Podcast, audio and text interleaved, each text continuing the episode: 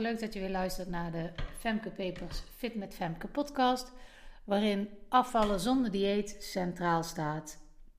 Want afvallen heeft niets met voeding te maken. Ehm, als je al langer luistert, dan weet je dat we altijd beginnen met een hoogte- of een dieptepunt. Um, voor ik dat doe, ga ik eerst vertellen wat er daarna komt. Ik ga het daarna met je over hebben over uh, hoe kan ik het nou het beste uitleggen. Um, over dat je het wel kan, maar het eigenlijk gewoon niet doet. Dus dat er vaak gezegd wordt, ja, het heeft niet gewerkt. Um, maar dat komt omdat jij het niet hebt laten werken. Ik ga dadelijk even verhelderen hoe dat zit.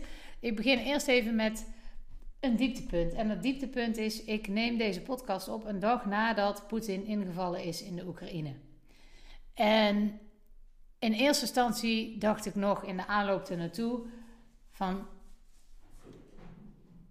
Oké, ik hoor de katten ineens iets heel geks doen. Oké, okay, dat gebeurt gewoon allemaal tussendoor. Ik denk, wat hoor ik nou? En dan schiet ineens een kat naar boven. Nou goed, ik kijk daar wel wat er aan de hand is. Uh, volgens mij zijn er geen dieren meegenomen, want als dat gebeurt, dan uh, miauwen ze of grommen ze. Uh, oh, ik zie er nou één. Nou, volgens mij had hij gewoon even zijn gekke vijf minuten.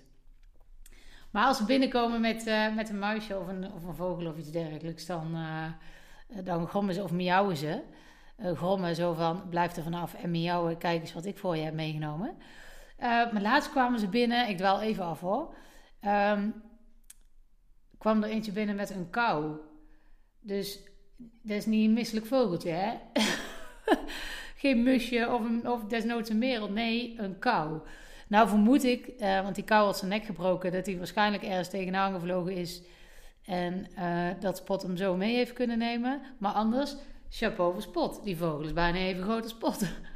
dus echt, uh, ligt er ineens een dode kou in de gang. Maar goed, uh, het leven met katten, zullen we maar zeggen. Ik had het over dat Poetin binnengevallen was in de Oekraïne. En in de dagen daar naartoe dacht ik nog, nou oké, dat speelt daar af. Hij zal er niet echt binnenvallen. Uh, loopt allemaal wel los. Nou ja, dan valt hij wel binnen en dan zie je op het journaal gewoon een kaartje met alle plekken gemarkeerd waar hij in de Oekraïne binnen is gevallen. En dan denk je, wauw, die man heeft dit al maanden voorbereid. En dan nog denk je, nou, dat speelt zich daar af. En ja, het is Europa, maar het is ver weg, hebben we niks mee te maken. Maar als je vervolgens het nieuws goed volgt en daar echt even bij stilstaat Weet je, Nederland, Duitsland uh, en wellicht ook Amerika, die willen sancties op gaan leggen. En Poetin gaat natuurlijk tegen sancties daar uh, ja, op, op leggen. En dat kan zomaar betekenen dat we te maken krijgen met een derde wereldoorlog. En zover zal het hopelijk niet lopen. Uh, zover zal het hopelijk niet gaan.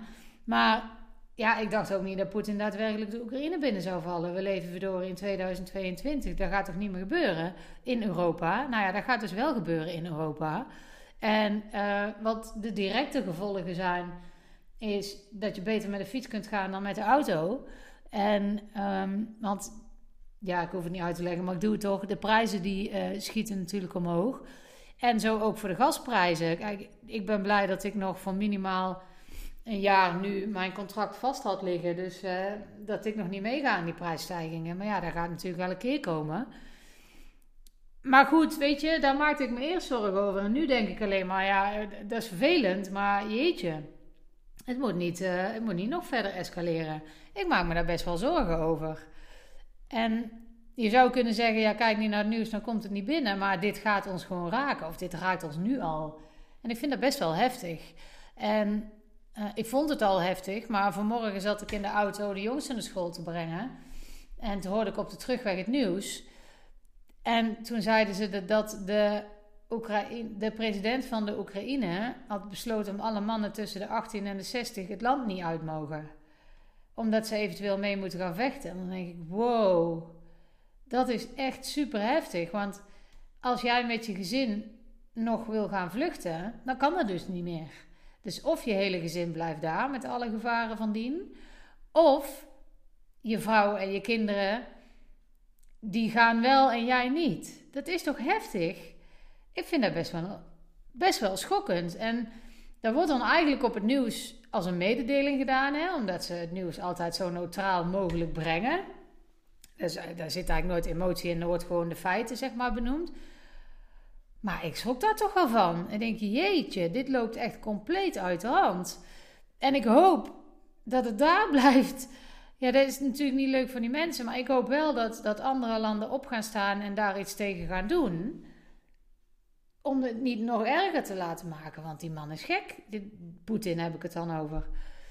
Goed, dat is hoe ik er tegenaan kijk. Ehm, ja, ik maak me daar wel zorgen over. En dat is niet zomaar een dieptepuntje. Het is gewoon oorlog in Europa. En dan komt het toch wel echt dichtbij. De laatste keer dat dat gebeurd is. Um, ja, ik wou zeggen de Tweede Wereldoorlog, maar we hebben natuurlijk ook nog uh, uh, in Kroatië, ja, Joegoslavië uh, gebeuren gehad. Maar potverdikkie, ik vind het nogal. Ik vind dat echt een dingetje. En het is niet dat ik daar slechter van slaap, want het is nog ver van je bed, nog. Maar ja, ik hoop niet dat het escaleert. Ik nog verder escaleert, want het is natuurlijk al geëscaleerd. Ik hoop dat we uh, met die sancties in staat zijn om het te deescaleren. Maar ja, we gaan het meemaken. Uh, je staat daar eigenlijk gewoon machteloos een beetje toe te kijken. En dan is het voor mij nog ver weg. Maar ik zie natuurlijk ook het nieuws dat er Oekraïners die in Nederland wonen, die daar familie hebben. Ja, dan sta je hier toch ook gewoon lekker machteloos te wezen. Goed, nou, um, Voordat het een hele podcast wordt over uh, de Oekraïne, wat niet mijn bedoeling is, maar het is wel echt een dieptepunt en ja, het, het is gewoon heftig. En uh, jullie luisteren dit een week later, misschien dat er dan alweer meer gebeurd is en uh, ja, hopelijk is het dan niet al geëscaleerd, hopelijk is het gedeescaleerd tegen die tijd. Maar ja, ik neem het nu dus op een dag nadat Poetin de Oekraïne is binnengevallen. Sorry, ik moet even kuchen. Goed. Dat was mijn dieptepunt. Uh, ik wil het ook nog even hebben over de carnaval. Want we zitten nu, ja, de dag voor carnaval wilde ik zeggen. Maar op vrijdag wordt er al uh, volop carnaval gevierd hier. Dat wil zeggen op de scholen. En uh, ja, daar worden tenten opgezet waar je dan s'avonds naartoe kan. Er wordt echt carnaval gevierd. En ik geef er niks om, dus ik ga het ook zeker niet doen. nou, dat zeg ik. Maar één avondje carnaval vind ik op zich nog wel prima. Maar ja, ik, heb nu, ik vind het altijd al een beetje een losgelaten boel. En uh, nu we twee jaar niet hebben kunnen vieren, vrees ik dat het uh, nog meer dronkenschap met zich meebrengt. En ik drink niet, dus ja, dan sta je daartussen. En, uh, het is niet helemaal mijn ding. Ik vind het wel altijd leuk om naar een optocht te gaan kijken. Ja, goed, dat kan dan nog niet. Ja, sommige dorpen die, die hebben een zwarte tussen aanhalingstekens optocht. Dat het eigenlijk niet mag, maar dan doen ze toch een soort van iets.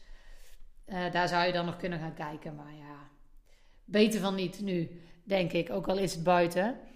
Uh, ik vind het wel goed dat er 1G-beleid is om... Ja, ik zeg dat en ik hoop dat het daadwerkelijk ook daardoor uh, de coronabesmettingen niet verder op gaan lopen. Dat we weer terug bij af zullen gaan zijn. Ik verwacht dat niet hoor. Maar ik denk dat het 1G-beleid daar wel goed in is. Want dan is het ook voor iedereen hetzelfde. Gevaccineerd of niet gevaccineerd. Dan komt daar ook geen tweedeling in. Het is super onhandig. Want je moet je natuurlijk eerst laten testen.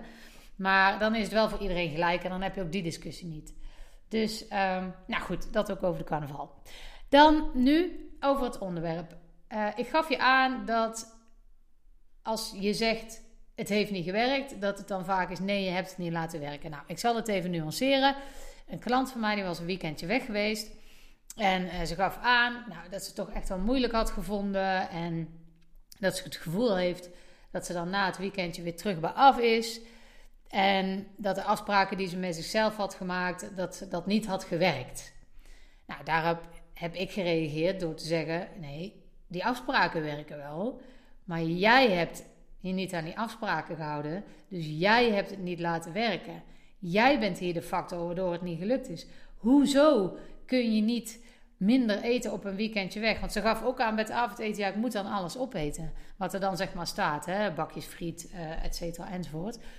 En ik, hoezo moet jij alles opeten? Hoezo kun jij niet dingen laten staan? Als ik je 100.000 euro geef om wel wat dingen laten staan, weet ik zeker dat je het kan.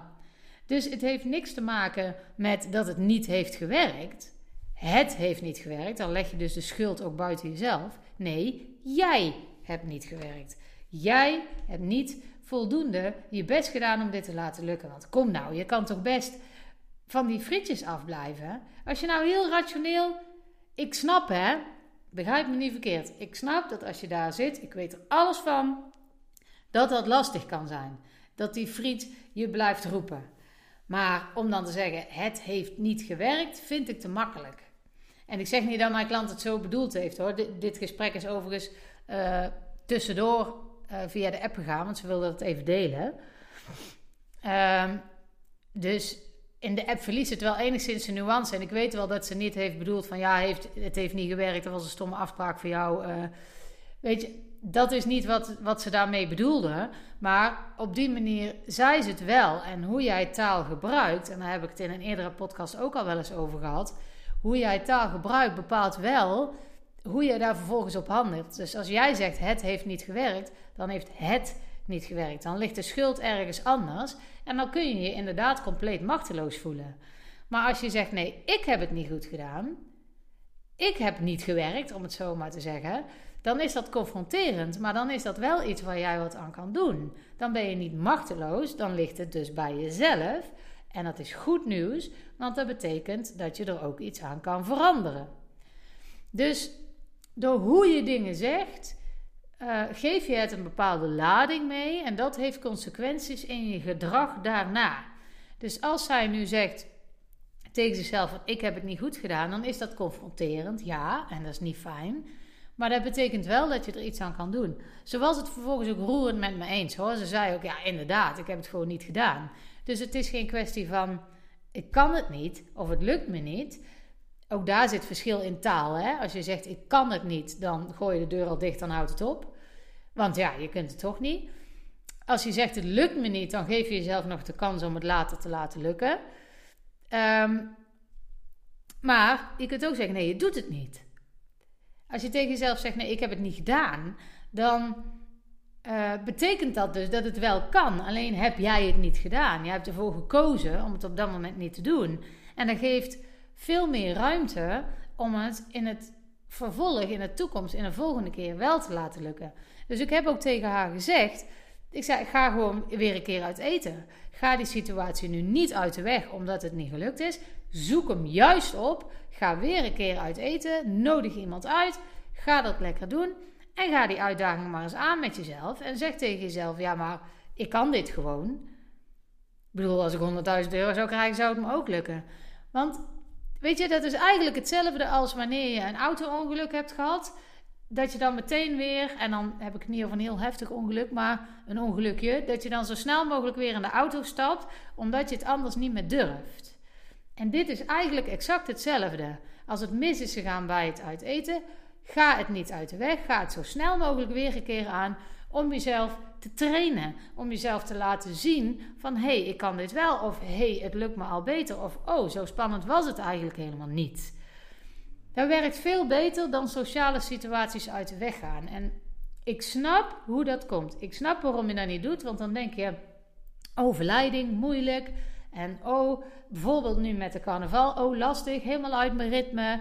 Uh, stel dat je ook echt dagen carnaval gaat vieren, dan wordt er ook vette hap gegeten tussendoor. Want je gaat niet naar huis tussendoor om even lekker te koken. Tenminste, als je een echte carnavaller bent, dan doe je dat niet. Dan kan dat zijn, oh jee, help, dit gaat nooit goed komen. Hoe moet ik hier nou mee omgaan? Weet je, doe het gewoon. Zoek die situaties gewoon op. Je hoeft niet drie friet met en drie snacks naar binnen te gaan zitten werken. Je kan het ook gewoon bij één frietje laten. Weet je, en dan doe je het nog steeds goed. Je kunt ook af en toe water drinken tussendoor. Je staat vervolgens wel de hele dag op de been. Dus het, is heel, het ligt heel erg aan hoe jij het uh, bekijkt. Slanke mensen die gaan carnaval vieren zijn ook niet 5 kilo aangekomen naar de rand, weet je? Dus het kan echt wel. Alleen jij doet het niet. Maar zoek die situaties dus op, zodat je kan oefenen. Ga ze niet uit de weg. Ga oefenen. Laat jezelf ook toe om een keer nat te gaan, zoals een andere klant van mij wel eens zei. Ga gewoon een keer de mist in als dat dan moet gebeuren. Leer ervan. Dat is niet erg. Als je het uit de weg gaat, dan wordt het een heel groot ding. Het zal nooit uh, makkelijker worden als je niet de uitdaging aangaat.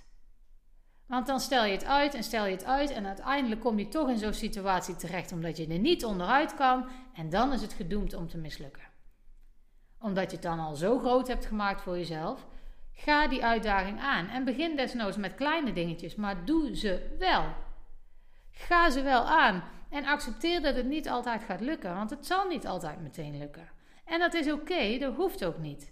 Kinderen die leren lopen, die staan over het algemeen niet meteen op en lopen aan. Daar wordt wel eens gezegd hè, van, oh, en in één keer stond ze op en liep ze aan. Vaak hebben die van tevoren al best wel wat geoefend en heb jij dat waarschijnlijk gewoon niet gezien. En ze vallen ook regelmatig. Het is niet dat als ze in één keer een aantal stappen hebben gezet, dat ze nooit meer zullen vallen. Maar als kinderen, als ze vallen, zouden denken: Oh, ik kan dit dus blijkbaar niet. Ik ga dit maar uit de weg, want straks val ik misschien weer. Dan leren ze nooit lopen. Ik vind altijd een hele mooie metafoor. Blijf het gewoon proberen. Je zult echt wel een keer op je bek gaan, maar uiteindelijk kun je lopen.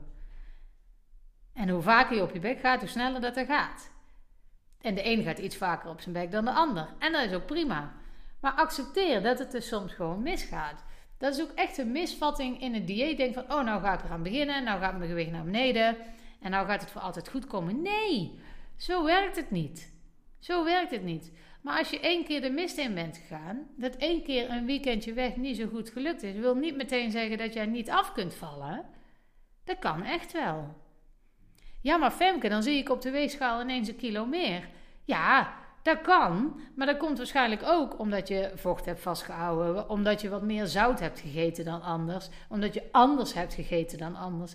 Daar reageert jouw lichaam op door vocht vast te houden. Dat is geen vet. Om een kilo aan te komen moet je 7000 calorieën bovenop je dagelijkse hoeveelheid eten.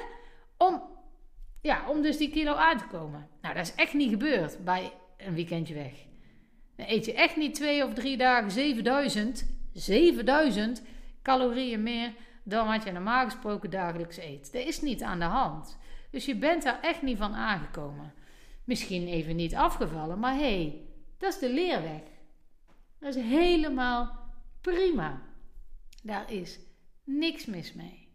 Ja, dus even samenvattend. Tegen jezelf zeggen: het heeft niet gewerkt, dan leg je de schuld bij een ander. Maar het is jouw schuld dat het niet gelukt is, want jij hebt het niet gedaan. En dat is goed nieuws, want dat betekent dat je de, de volgende keer ervoor kunt kiezen om het wel te doen. En ja, het kan gebeuren dat het niet lukt, maar blijf oefenen. Ga die situaties niet uit de weg. En uiteindelijk krijg je dat gewoon voor elkaar zonder dat het heel veel moeite kost en kun je echt genieten van het uiteten. Nou, ik zeg, zet hem op. Ik hoop dat het goed met je gaat en tot de volgende.